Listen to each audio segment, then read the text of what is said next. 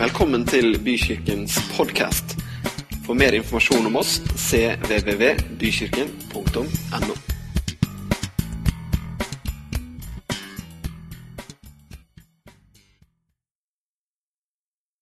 Jeg grugleder meg alltid til å skulle på en måte preke ut. For det er, det er eh, spennende det å skulle være Det å dele noe og skulle eh, gi noe som du forhåpentligvis tar med deg hjem videre denne uka, eh, som du har gått inn i. Og samtidig så, så, så må jeg si at det er en privilegium å få lov til å dele evangeliet. Og det jeg skal snakke litt om i dag, er eh, noe som jeg syns er fantastisk.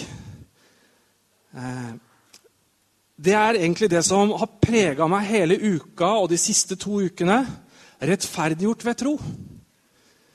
Eh, det begynte for eh, noen, et par-tre uker siden hvor jeg hørte en historie om en ung dame fra Brasil som, som det, Hun opplevde at det skjedde veldig mye spesielle ting når hun var ute på gater og sammen med venner. De ble frelst, de ble helbreda. Og denne jenta var en 10-12-13 år etter sånn fritt igjen fortalt. Eh, og så trodde hun, siden hun kom og bodde i Brasil, at hun måtte bli nonne og gå i kloster. Og så snakka hun med Gud, og så sier Gud til henne at nei, du skal ikke bli nonne og gå i kloster, men du skal reise til Milano i Italia. Og Historien forteller videre at hun gjør som Gud sier at hun skal gjøre. Eh, og så begynner hun å snakke med mennesker, og det samme begynner å skje der hvor hun er. At eh, mennesker møter Guds nåde, blir frelst, eh, blir helbreda. Og så står hun med et stort dilemma etter hvert som liksom gruppa passerer 30, 40 og 50 mennesker. Hvem skal være pastor for denne eh, disse menneskene. Også, for jeg, jeg, kan jo ikke være pastor. Jeg er jo dame, og jeg er jo i Italia, og det går jo ikke. Og så taler Gud veldig tydelig til henne at det er hun som skal være pastor. Og det røska jo godt, eh, for å si det sånn. Eh, så forteller historien videre at denne dama hun eh, planter én kirke. Hun planter to kirker. Sist gang jeg hørte tall, så var det 38 kirker. Og de håpa på, når de passerte nyttår, å plante 50 kirker, evangeliske kirker i Italia. Og fellesnevneren er nåden i evangeliet. Rettferdiggjort ved tro i en kultur som er veldig basert på gjerninger og ting du skal gjøre. Og, og jeg ble veldig inspirert. Jeg tenkte at wow, Italia! Det går jo liksom ikke an. Men det går jo an! Og så har jeg jo løpt litt sånn om dagen at takk Gud for at jeg er rettferdiggjort av tro. Amen. Eh, og da har jeg tenkt liksom, hvordan, hvordan, er vår kultur? Hvordan tenker vi som kirke rundt disse tinga? Eh, originalt og klassisk så har vi selvfølgelig eh, tenker vi at eh, ja, vi, vi, lever jo etter det. Men eh, det er ikke alltid jeg føler at vi er der. Eh, jeg lurte på om jeg kunne fått låne deg, David. Du vet at litt sånn er det noen ganger jeg føler at vi tenker når det gjelder tro, og når det gjelder det å leve som kristne. Vi har liksom på en måte laga oss et sett med, med ting vi skal gjøre, som på en måte gjør at liksom dette ser bra ut. Og det er jo ingen tvil om at dette tok jo veldig kort tid. Og så fant jeg Jeg var på kjøkkenet i stad, og så fant jeg noen frø.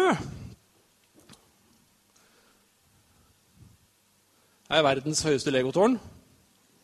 Bare sånn for å ha sett det. Noen frø. Og hvis jeg legger de her, ett på hver side, så er det ingen som er noe særlig tvil om hvilket av disse to som har størst potensial for å vokse høyest. Er det med meg på tanken? Dette frøet det vokser selvfølgelig ikke så fort som det var, gikk å begynne å stable tårn, men det har et større potensial. Og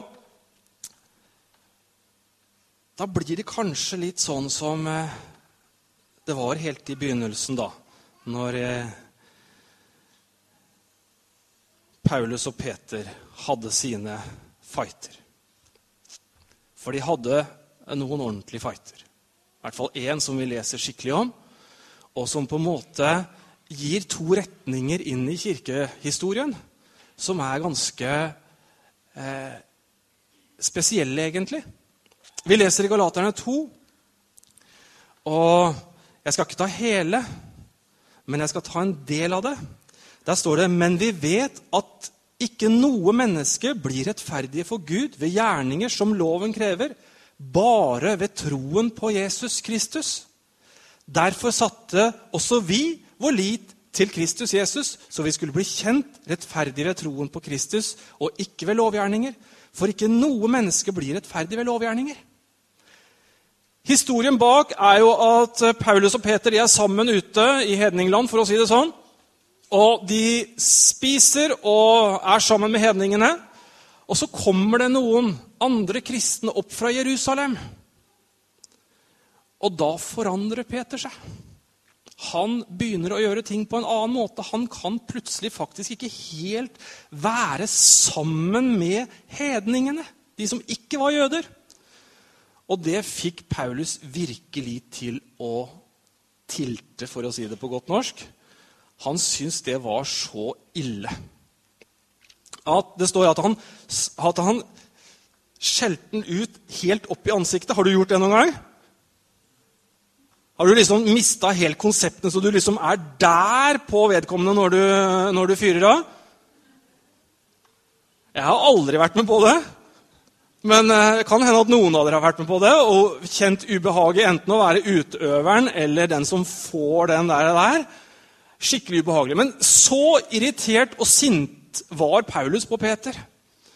Og eh, jeg tror jo på en måte, uten at jeg skal dra teologien for langt, så, så danna det litt hver sin retning for det å være kristen. For, noen, eh, for en god stund siden så preka Magnar om, om hva, hva, Paulus påla hedningkristne. Og jeg tror at på en måte så fikk noe av den legobyggesaken Den fikk noe med å bygge gjerninger, gjøre ting, være på en spesiell måte. Fikk så stor plass i kirka at det egentlig ikke var bra. Og så ser vi jo i historien at det var denne herre her som egentlig fikk størst plass. Dette med at man la sten på sten, og man eh, gjorde de rette tinga og var de rette og ga de riktige summene osv. Og, så og så vokste den ene kirka til å bli en gjerning De ble veldig opptatt av det å gjøre ting for Gud. Det ser vi litt i forhold til hvordan kirkebygg ser ut i dag. fra litt eldre tider. Man, man gjorde maksimalt, og man ønska og hadde et hjerte for å gjøre det beste for Gud, men det ble et skikkelig slitt. Og så ser vi jo på begynnelsen av 1500-tallet at det kommer en mann som Nå var jeg litt tidlig på den. Eh, som heter Luther. Og han skulle egentlig bare diskutere litt. Og smalt opp en plakat på ei universitetsdør i Worms, var det det vel het. For det var den tidens Internett. for å si Det sånn. Det var der man gikk. Det var sånne veggplakater hvor man liksom inviterte til og skulle ta en diskusjon på universitetet der. Og det endte jo med noe helt annet enn det Martin Luther hadde tenkt. Han hadde sine åtte undervisningstimer i uka og hadde diskusjon rundt disse timene, og det ble noe helt, helt annet.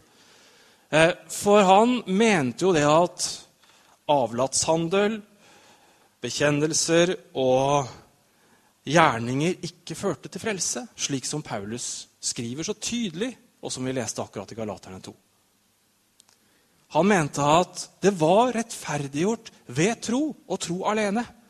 Og det er klart at det var mange ting i den tida som gjorde at dette var veldig Det fikk på en måte slå rot. For det var jo ikke bare det at eh, de syntes det var så herlig at man ble frelst ved tro, men, men, det var også en mulighet som de så til å kunne frigjøre seg fra en del av den makta som kirka hadde fått.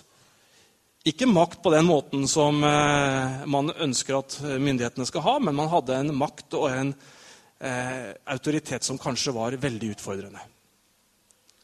Og dermed så hang de seg på. Fyrster og den ene og den andre. Og det ender med at Luther han havner i husarrest et helt år. Og jeg var der nede for et par år siden, vel. Ja, litt over to år siden. Og var og så på det slottet hvor han hadde sittet i husarrest. Og så sier han, eh, han som var og viste rundt, han sier at ja, her satt Luther. Og han hadde, nok, eh, hadde nok eh, litt psykiske problemer, men han hadde en veldig produksjon. Og så fortalte han det da at Luther hadde jo da oversatt Nye testamentet, og han hadde jo skrevet x antall skrifter. Og jeg bare fant ut at wow, jeg tror den, denne mannen var inspirert av Den hellige ånd. Virkelig. For, for han oversatte og gjorde ting som folk hadde brukt eh, hundrevis av år på.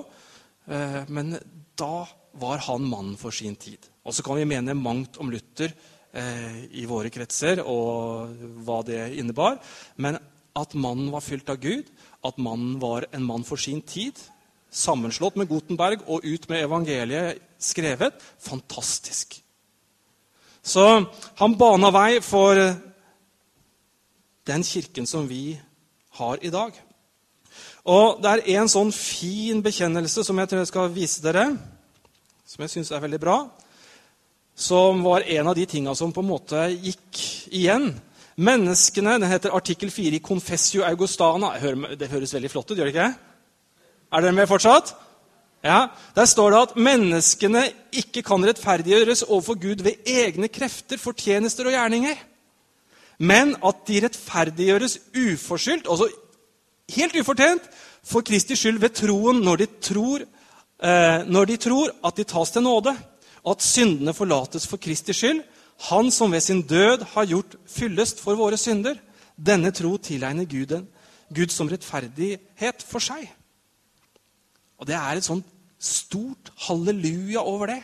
At vi får lov til kun av tro være frelst. Så hva er da rettferdiggjørelse? Er det noen av dere som har følt dere fordømt noen gang?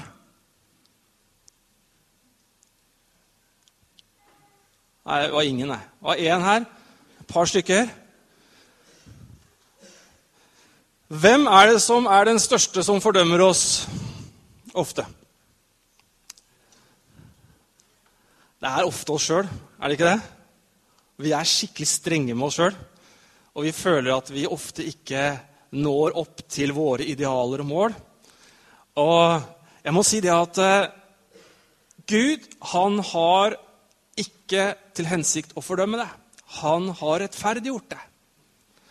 Og det er kanskje derfor jeg har hoppa litt og vært litt glad de siste ukene. over at uh, jeg kan leve i den troa og leve nært Jesus fordi at jeg er rettferdiggjort.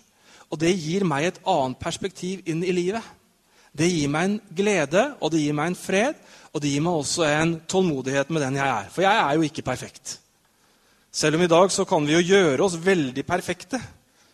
Noen av dere eh, ser det hver dag, noen eh, ser det litt sjeldnere. Men eh, vi lever alle i en verden hvor du kan fikse litt på bilder. Og det begynte med at man tok vekk noen røde øyne på de bildene du hadde tatt. ikke sant? Eh, og så har noen tatt det litt lenger. De har dratt litt inn på kroppen eller økt litt proporsjoner. Eller skåret ut en del av bildet som ser bedre ut enn resten av rundt osv. Vi lever i en verden hvor ting skal være perfekt, og som vi ønsker at skal fremstå veldig bra. Og så er det nå ikke disse perfekte tinga som gjør at vi er kristne. At vi kjører den riktige bilen, eller at vi kommer ser riktig ut her på gudstjeneste på søndag. Men det er fordi at vi tror på Jesus som frelser, og det er troen alene som frelser oss. Halleluja. Og Det er så utrolig viktig at vi lever i en tid hvor man på en måte prøver å bygge disse legoklossene, se bra ut, mens det er jo ikke der vi ønsker å være. Vi ønsker jo å leve i det nære forholdet og erkjenne. Så Noen ganger når jeg prater med noen, så sier jeg det at eh, jeg er en kristen, jeg, vet fordi jeg er jo langt fra perfekt, og jeg trenger Guds nåde hver dag. Ja, men det ser jo bra ut, Einar. Ja, det ser bra ut, men jeg er jo ikke perfekt. Det er ingen av oss som kan reise hånda og si at ja, men jeg er virkelig perfekt. Jeg er den som har fått det til. Jeg er den som gjør det bra på alle kanter. Jeg har aldri krangla, jeg har bare smilt til alle hele uka, og jeg har bare tenkt gode tanker om alle jeg møtte. Ah, Og der vet du, så ramler vi med en gang. vet du, når vi blei litt irritert på han der som sneik i rundkjøringa nede ved kanalen. Eller som noen blir litt sånn Vi har litt sånn sport om morgenen.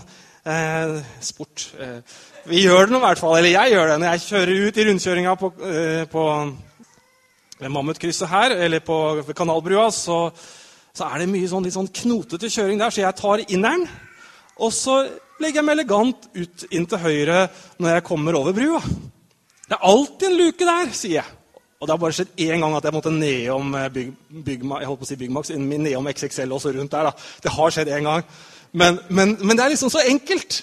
Men, men, jeg er sikker på at noen har ikke tenkt gode tanker når jeg gjør det, og jeg har sikkert tenkt noen dårlige tanker når noen ikke slipper meg inn. Og sånn er det jo bare. Sunniva sier at det er i hvert fall to ganger vi har måttet passere ned ved XXL. Jeg trodde det bare var én. Og det er like spennende hver morgen når vi gjør det. For Sunniva syns det er kjempegøy greie vi i dag også. Vi er ikke perfekte. Og jeg tror vi må begynne å leve i den rettferdiggjørelsesgreia. At vi får lov til å kjenne på det og leve i det og glede oss over det hver dag. Eh, leve i den nåden som Gud har gitt oss. For det er jo en nåde, siden vi ikke er perfekte. Ikke sant? Eh, når det gjelder nåde, så Min første bekjentskap med nåde det tror jeg var eh, med begrepet nåde, det var med pappaen min. Vi hadde vi bodde ute på Tolsrud, bak Tolsrud-senteret da jeg var liten gutt. Eh, og mamma og pappa kjøpte et rekkehus der i 19 1972, tror jeg det var. Og den gangen så var det veldig moderne med sånne palisandervegger. Noen som vet hva det er? Litt sånn mørkbrunt, fint sted. Og så hadde de kjøpt et langflossa, oransje vegg-til-vegg-teppe. Og jeg husker det ennå, at det liksom å gå ut fra soverommet og så ut på det teppet der, barfot, det var helt fantastisk. Det var sånn mykt, godt. Kjenner, husk, når dere har vært på hotell i utlandet og det er sånn skikkelig teppe, kjenner, og liksom du stikker beinet ut er Den følelsen. Er du med på det? Den følelsen. Og Det var så langflåsa og godt at pappaen min han la seg på gulvet når han kom hjem etter, etter jobb. La seg på gulvet for å slappe av og sove middag. Han syntes det var så deilig på det gulvet. Og jeg, vet du, jeg eh, elska jo å tulle med han da når han skulle sove. Jeg var vel eh, ikke helt klar for å sove middag, for å si det sånn. Så jeg For de av dere som kjenner her, så var det den gangen da pappa hadde hår. Det er ikke så mye av det nå, men, men da stakk jeg fingeren og så begynte jeg altså å tvinne håret hans og opp, rote opp i håret hans. Og det gjorde jeg stadig vekk. Noen ganger så la han bare huet under stolen, sånn at jeg ikke kom til. Andre ganger så vippa han meg over. Han var jo mye større enn meg, selvfølgelig. Jeg var tre eller fire år. Vippa han meg over, og så holdt meg fast, og så sa han, 'Jeg slipper deg når du sier nåde'. Så da ligger jeg der på gulvet, og det var Søstera mi ville aldri si nåde. Men jeg var ganske rask når jeg lå der, til å si 'Nåde, pappa! Nåde!' Og så slapp han meg. Søstera mi da var det litt tregere. Og så tenker jeg at vi ligger der under det grepet av våre elendigheter innimellom som fordømmer oss og som holder oss nede. Og så kan vi få lov til egentlig å si nåde. Herre, nåde, du ser meg der jeg er, og jeg trenger din nåde i dag. Og så får vi lov til å la det trosfrøet og det, den troen vi har fått, får lov til å begynne å vokse istedenfor at vi bygger på noe som har en begrensning. Gud han rettferdiggjør ikke de uskyldige, han rettferdiggjør de skyldige. En uskyldig har jo ikke noe behov for rettferdiggjørelse. Er du med meg? Det er jo ingen behov for det. Derfor er det viktig at vi tar imot Guds nåde. Og jeg har blitt voldsomt inspirert det siste over at det er jo egentlig et veldig enkelt evangelium vi forkynner. Noen ganger så syns jeg det er veldig vanskelig å dele frelsesinvitasjonen med mennesker som eh, ikke kjenner Jesus. Jeg skal ikke be om håndsopprekning, men jeg er sikker på at mange av dere kan rekke opp hånda og si at det er litt vanskelig. Og noen jeg møter, de sier det at Men Einar, jeg greier jo ikke å bli så bra at jeg kan bli en kristen. Og dessverre så tror jeg mange av oss har bygd et sånt image på at vi kristne er litt bedre. Og de sier det, og de lever det og tenker det, at liksom vi er litt mer perfekte. Og så er det den opplevelsen av de der som bygger disse tinga som på en måte er veldig synlige, som gjør at de er diskvalifisert fra å tro. Mens jeg tror at vi i større grad skal forkynne et evangelium som handler om rettferdighet ved tro.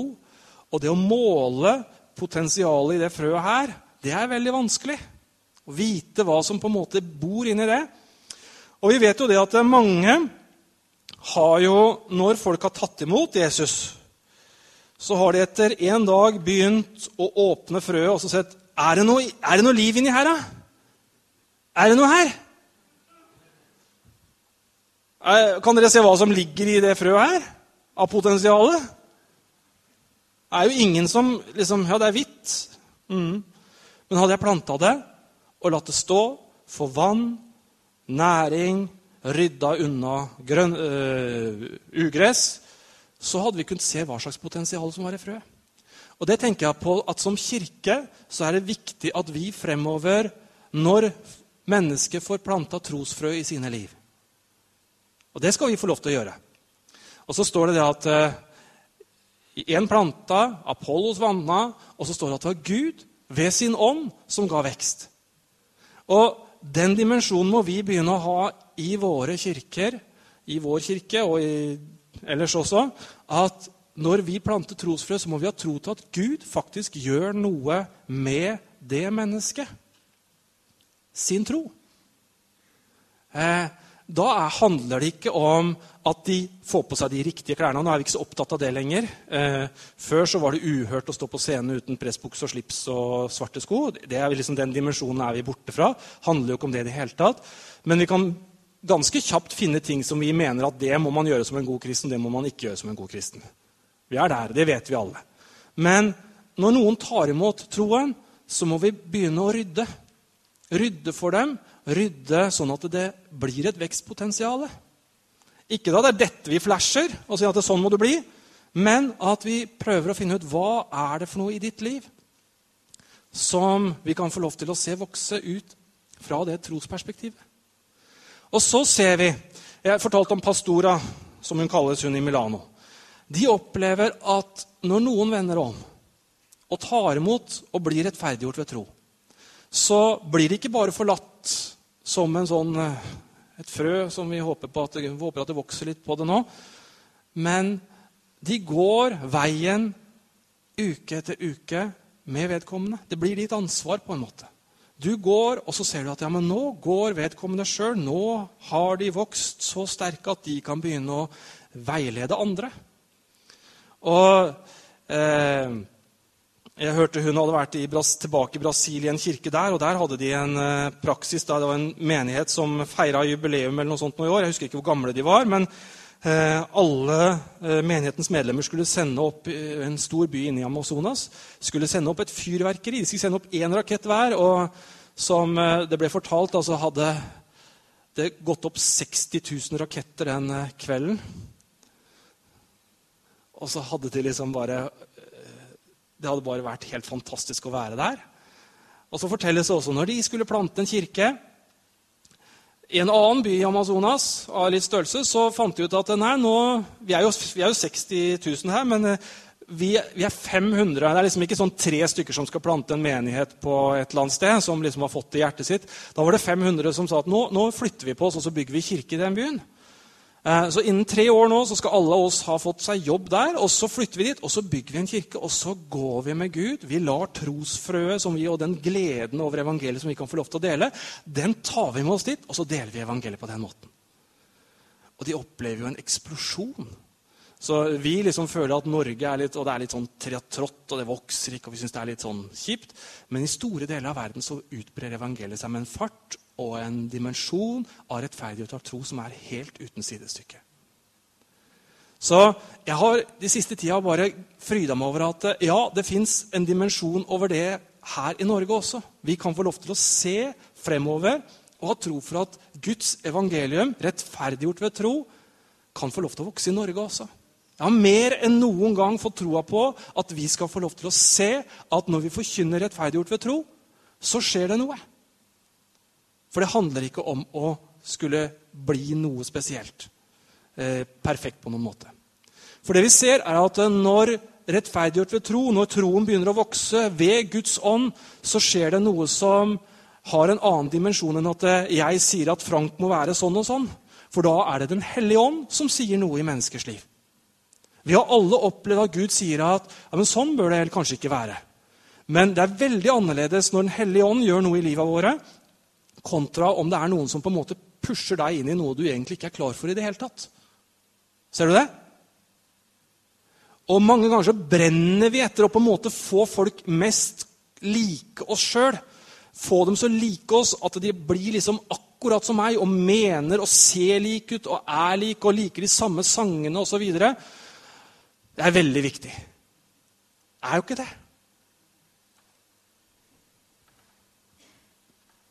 Er du fortsatt med?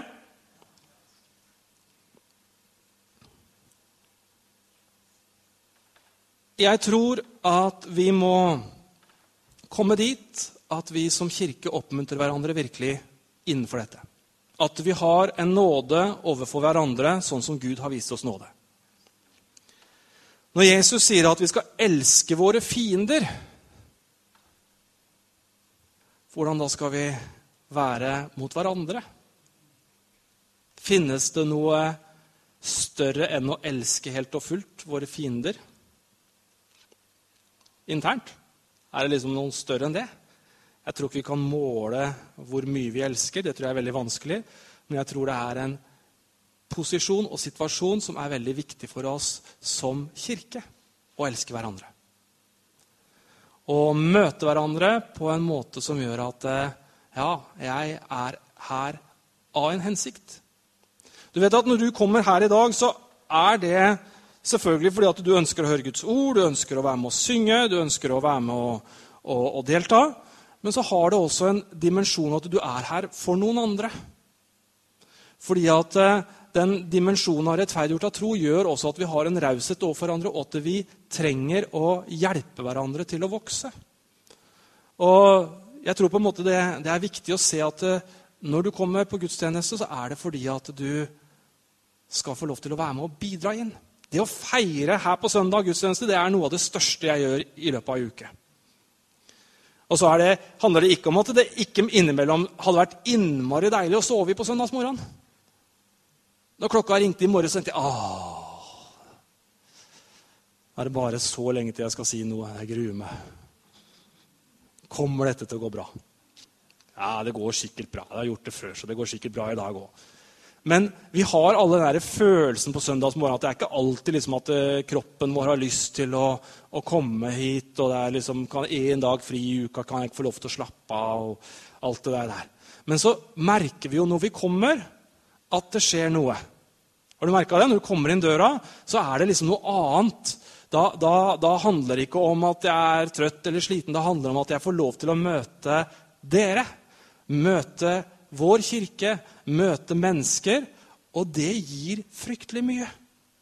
Det å kunne få lov til å være en del av en kirke og inkludere og bygge mennesker, og ikke bare sitte sånn som nå sitter vi og hører, men, men når vi kommer eh, ut i kafeen, og, og det å på en måte være for hverandre. Og så er vi overhodet ikke perfekte på det i Bykirken. Men vi ser og vi ønsker at relasjoner skal være noe som preger oss som kirke. At du skal få lov til å ha fellesskap, få lov til å få noe når du er her på søndagene, men også som du kan ta med deg videre ut i uka, både når det gjelder vennskap med noen i kirka, men jeg har veldig tro på at du også har venner som ikke går med Gud. Jeg har en kamerat som sa til meg en dag Han kom og besøkte meg nede på, jeg var på Skjærgårds for eh, en liten stund siden. Og så vil han ha en middag med meg, og så sier han det. Einar Og han eh, eh, bekjenner ikke Jesus, eh, for å si det sånn. Så sier han det er veldig rart med, med kristendommen. Jo, sier du. Ja, for den, den, den, har liksom noe annet enn de andre eh, religionene. Ja vel, sier jeg. Hva er det for noe, da? Nå er jeg spent på å høre. Nei, Dere har jo den derre nådesdimensjonen. Ja vel, sier jeg. Ja, for det er jo liksom, det er jo ikke hva man gjør, men det er jo bare at man tror. Er det ikke sånn? Jo, sier jeg. Veldig. Ja. Og så vet jeg at uh, han har sett mye mer enn det mange andre har sett. Og jeg tror at uh, uh, vi skal få lov til å se hva Gud gjør med han etter hvert. Men det er så viktig at vi deler det, og det er litt så morsomt å møte mennesker som har catcha det. liksom. Og så møter vi innimellom mennesker som overhodet ikke vet nesten hvem Jesus er, og at det finnes noe som heter Gud. De møter vi, men de må vi kanskje gå en lengre vei med. Men jeg tror at det er ikke farlig å forkynne rettferdiggjort av tro. Det er mye enklere enn å forkynne at du må bli sånn som jeg er, og så må du få på den perfekte fasaden, og så må liksom alt bli ordna i livet ditt. Gjerne før du blir en kristen. For det er der mange tror. De må jo bli liksom perfekte før du blir kristne. Og da tenker mange at åh, jeg er glad jeg slipper de greiene der. Det er deilig å slippe. Mens vi trenger Gud alle sammen. Amen. La oss bære hverandre frem på alle mulige måter. Hjelp oss til å rydde rundt våre planter, for å si det sånn. Våre trosplanter. La oss som kirke få lov til å ha et fokus på at vi er rettferdiggjort ved tro. Og så handler det ikke om at vi liksom ikke gjør hyggelige ting lenger. altså. Det er ikke det jeg sier, at vi liksom behøver ikke noe. Vi bare lever i sus og dut og tar imot nåden hver dag. og så er det liksom, Fordi at jeg tror at det, i Den hellige ånd så, så, frembringer det noe over livet vårt som gjør at vi er eh, kjærlige og, og, vi er elskelige, for å si det sånn. Det er jo ingenting som, som eh, rettferdiggjør at du er en stor støvel når du er uh, ute i det vanlige livet. Det er jo ikke det jeg snakker om. Dere er med meg på det? Er liksom ikke liksom, han er kristen. Han er forferdelig vanskelig. altså. Grusomt vanskelig mann. Men han er liksom kristen. Jeg tror jo ikke på det. Vi leser jo Jakob, og vi leser om at, eh, at, at eh, en tro uten gjerninger er en død tro. Så jeg tror jo at den dimensjonen kommer, men den kommer med Den hellige ånd. Den kommer ikke ved at du har bestemt at noen skal gjøre sånn og sånn. Og så må vi virkelig søke Gud mot at vi blir så voksne etter hvert at vi har virkelig en del av de troshandlingene i vår liv av våre. For det trenger vi. Trenger vi som enkeltpersoner og trenger vi som kirke. Yes. Da skal jeg gå inn for landing. Jeg tenkte vi kunne avslutte med å lese felles. Ja. Og så håper jeg at den dimensjonen blir noe du tar med deg videre i uka og du deler videre. Dette er noe jeg syns du skal dele videre med de du jobber sammen med, de du eh, har som venner, de du har i familien din. At du deler rettferdiggjort av tro. Det er virkelig noe vi kan dele. Og det er ikke farlig å dele. De fleste har Over 50% sier i Norge at de tror på Gud. Tenk på det. Det er hva skal du si, forstadiet til å ha et trosfrø, til å ha noe i livet som uh, sier at ja, men jeg kunne kanskje tenkt meg å gå med Gud, men jeg kan ikke tenke meg å bli sånn som uh, mange kristne har vært og oppført seg. Skal vi lese sammen? Er du klar? Jeg er rettferdiggjort ved troen på Jesus Kristus. Jeg er funnet uskyldig så er det da ingen fordømmelse for dem som er i Kristus Jesus. For Åndens lov, som gir liv, har i Kristus Jesus gjort meg fri fra syndens og dødens lov. Det står i Romerne 8, vers 1 og 2. Yes, skal vi få opp musikerne?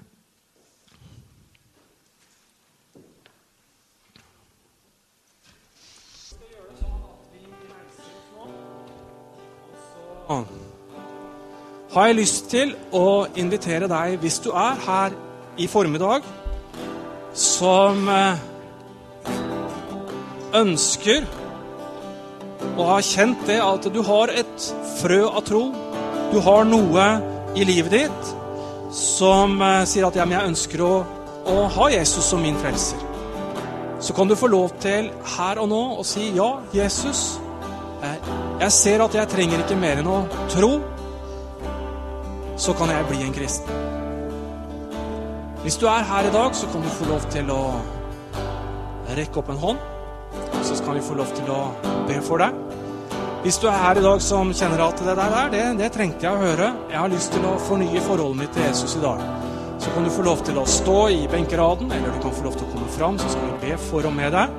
Men eh, vi ønsker bare å velsigne deg, og ønsker å rake litt rundt den eh, du er, for å kunne skape rom for vekst i troslivet ditt.